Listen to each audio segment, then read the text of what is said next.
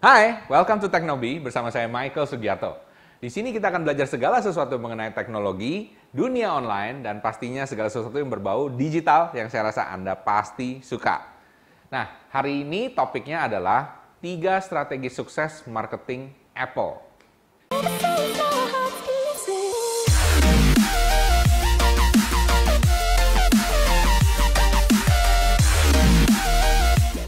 Siapa yang tidak kenal Apple?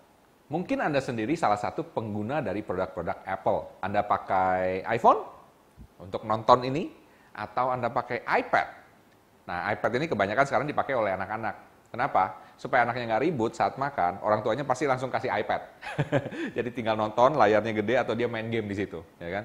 Saya rasa anak-anak di bawah umur 5 tahun sekarang udah pada melek teknologi, ya mereka pada main iPad langsung. Jadi istilahnya sudah uh, jadi digital native ya. Kalau misalnya saya ini masih belum terlalu ngerti dulu. Dulu aja untuk main iPad atau iPhone itu saya perlu diajarin dulu. Tapi sekarang ya kita sudah pada ngerti. Apple merupakan perusahaan yang sangat inovatif dan tidak disangka lagi uh, bahwa semua orang juga mengakui bahwa Apple ini paling jago marketingnya. Kenapa kita ngomong Apple jago marketing? Karena begini satu, saya mau nanya, produk elektronik yang paling mahal di luar sana siapa? Ya Apple. Betul? Harganya paling mahal. Kemudian, yang paling nyebelin, Apple ini nggak bisa dipakai dengan produk lain. Maksudnya Apple ini hanya dengan komunitas atau environmentnya Apple sendiri. Ya, jadi dia nggak pakai USB, oke, mesti pakai colokannya sendiri khusus. Ya, dan juga jika anda pakai Apple akan sangat susah kalau anda pakai Windows untuk masukin, ya, uh, apa lagu-lagunya atau videonya dan lain sebagainya. Ya, lebih gampang anda pakai Apple juga. Jadi Apple harus pakai Apple.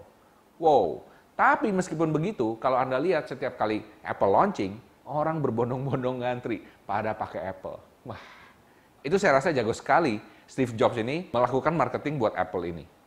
Jika Anda seorang graphic designer, sama seperti saya, ya, saya dulu dikasih tahu, Anda belum jadi graphic designer kalau nggak pakai Macintosh.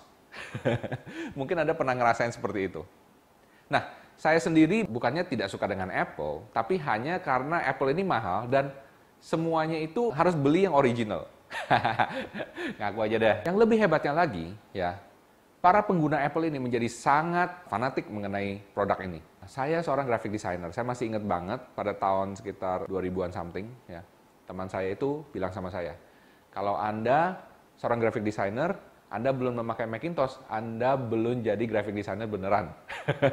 Gimana tuh rasanya ya? Saya sendiri bukannya nggak suka produk Apple, tapi waktu itu ya memang produk Apple bagi saya belum terjangkau. Jadi saya masih pakai Windows.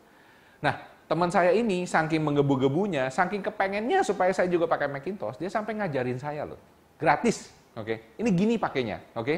Uh, eh, ini modelnya seperti ini, modelnya, wah, saya bilang, Kayaknya susah banget deh. Kayaknya saya pakai Windows lebih gampang. Tapi intinya teman saya itu malah kekeh. Dia malah ngomong kalau kamu sebagai graphic designer, kamu harus pakai Mac. Karena Mac jauh lebih gampang dan lain sebagainya.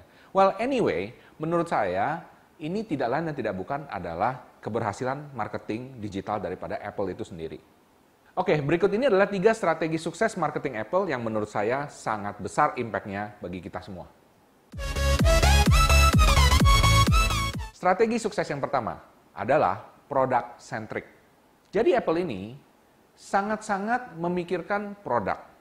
Ya, jadi kalau kita tahu sendiri, Apple ini dari pertama sudah memikirkan segala sesuatunya berpusat pada produknya.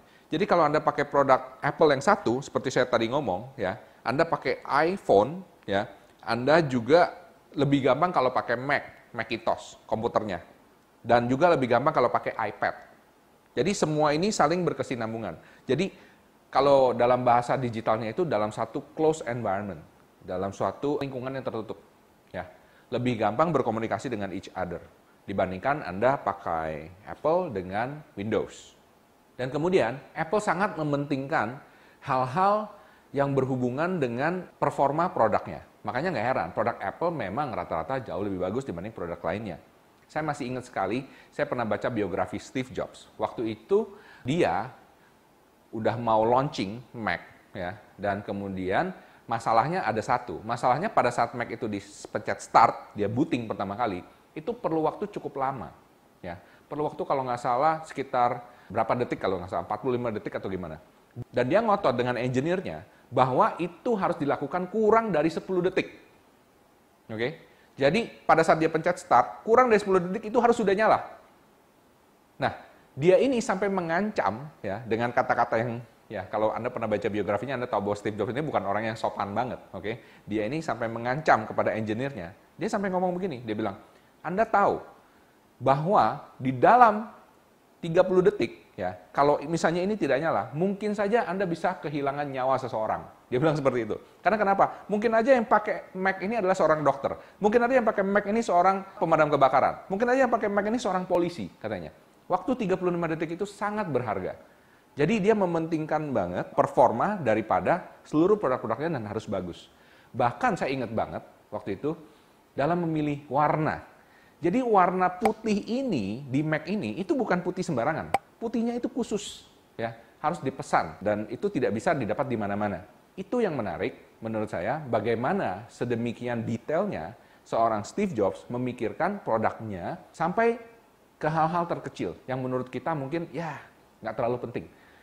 Menurut kita mungkin pada saat kita boot mungkin nyalanya satu menit nggak masalah. Tapi bagi dia 35 detik masalah. Harus di bawah 10 detik. Ini juga yang membuat para penggemar Apple atau Apple fans, mereka sangat percaya dengan produk-produk Apple ini. Mereka percaya bahwa produk Apple ini jauh lebih superior dibandingkan produk yang lain. Dan itu yang terus digaungkan bahkan sampai sekarang ketika si Steve Jobs-nya sudah tidak ada. Oke, itulah keberhasilan marketing Apple.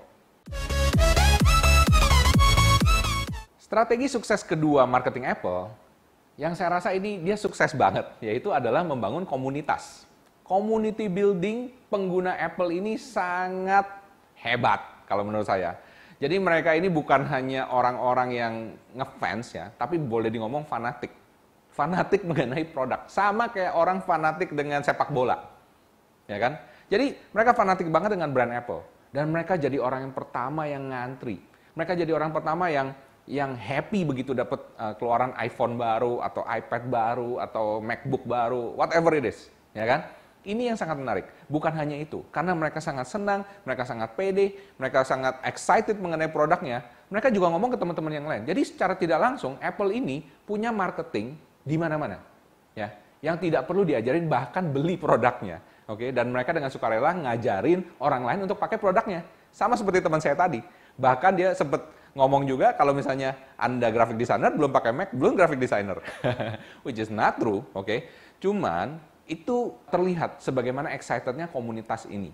Dan saya juga pernah punya satu teman, jadi dia ini suka meeting, oke. Okay? Pada suka meeting, saya tuh heran kenapa dia selalu beli barang Apple yang terbaru. iPhone 7 keluar baru udah beli. iPhone 8 keluar udah beli. Terakhir iPhone X jadi beli. Jadi tiap tahun beli. Kemudian MacBook mulai dari yang segini segini sampai yang sekarang segini yang ada yang ada apa? Yang ada barnya itu Langsung dibeli sama dia keluar itu. Terus saya bilang, kenapa kamu beli terus? Saya bilang, ya dia bilang gini, pada saat saya pakai produk ini, saya presentasi di depan klien, saya merasa lebih pede. wow, saya bilang. So, that's how it is, ya kan? So, Apple marketingnya begitu canggih, begitu hebat. Dia bisa bangun excitement dari setiap penggunanya, ya, yang bisa merambah luas sampai bisa bikin dia percaya diri kalau bikin produk ini. Keren kan? Oke, ini adalah strategi ketiga yang menurut saya ini yang membedakan Apple dengan yang lain. Nah, mau tahu? Mungkin Anda sudah tahu, ya. Ini adalah slogannya, yaitu be different. Yes, be different.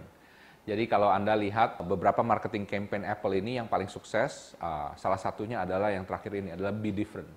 Jadi dia memang dari awal itu sudah memposisikan dirinya berbeda dengan yang lain. Dia bilang waktu itu lawannya komputer IBM, ya kan? IBM itu bosenin, ya kan? E, maksudnya itu yang pakai orang tua. Tapi yang pakai Apple anak muda, keren, kreatif, oke? Okay? Yang membawa perubahan. Wow, saya bilang ini marketing campaign produk apa marketing politik? itulah hebatnya Apple, itulah hebatnya Steve Jobs. Dan saya rasa kita semua masih merasakan gaungnya bahkan sampai sekarang ketika Steve Jobs sudah tidak ada. So sekali lagi itu adalah tiga hal strategi marketing sukses dari Apple. Saya rasa Anda bisa belajar banyak dari tiga strategi ini dan mungkin Anda bisa aplikasikan ke dalam bisnis Anda sendiri. Oke, sekian dari saya. Jangan lupa untuk like dan subscribe dan juga kasih komen below ya di bawah jika Anda ada ide atau ada masukan mengenai video berikutnya. Dan juga lihat dua video di sebelah ini, saya rasa salah satu pasti ada yang Anda suka. Sampai jumpa, salam hebat luar biasa.